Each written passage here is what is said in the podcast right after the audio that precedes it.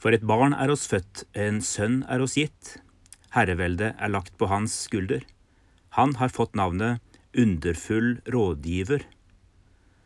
Når profeten Jesaja ramser opp en rekke titler på den ideelle kongen som en dag skal komme, er det ikke bemerkelsesverdig hva han starter opp med? Ikke en beskrivelse av makt og suverenitet, men av klokskap. Den gode kongen gir livshjelp, retning, underfulle råd. Han er på folkets side. Han er en som lytter og veileder. Se for deg et menneske du gjerne venner deg til når gode råd er dyre. Den klokeste du kjenner. Da ser du kanskje en bit av Jesus. Jeg tror vi feilaktig tenker at en god rådgiver er en som forteller oss nøyaktig hvilke steg vi skal ta, en som gir oss svar før vi vet hva vi egentlig har tenkt å spørre om.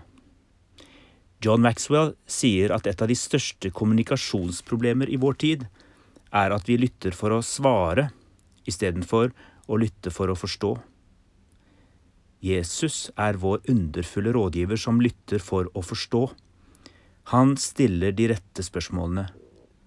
Når du tilbringer tid sammen med Han, lærer du deg selv langsomt bedre å kjenne, som skapt i Guds bilde og elsket av Ham. Så har det hendt noen ganger når jeg samtaler med troende mennesker jeg har stor tillit til. Noe av det som sies, treffer meg på en helt spesiell måte. Det er som jeg får en vennlig dytt i riktig retning. Jeg tror det er dette Det nye testamentet kaller for gaven å tale visdom. Underfull rådgiver lever og virker midt iblant oss fortsatt i dag. Jeg øver meg på å lytte.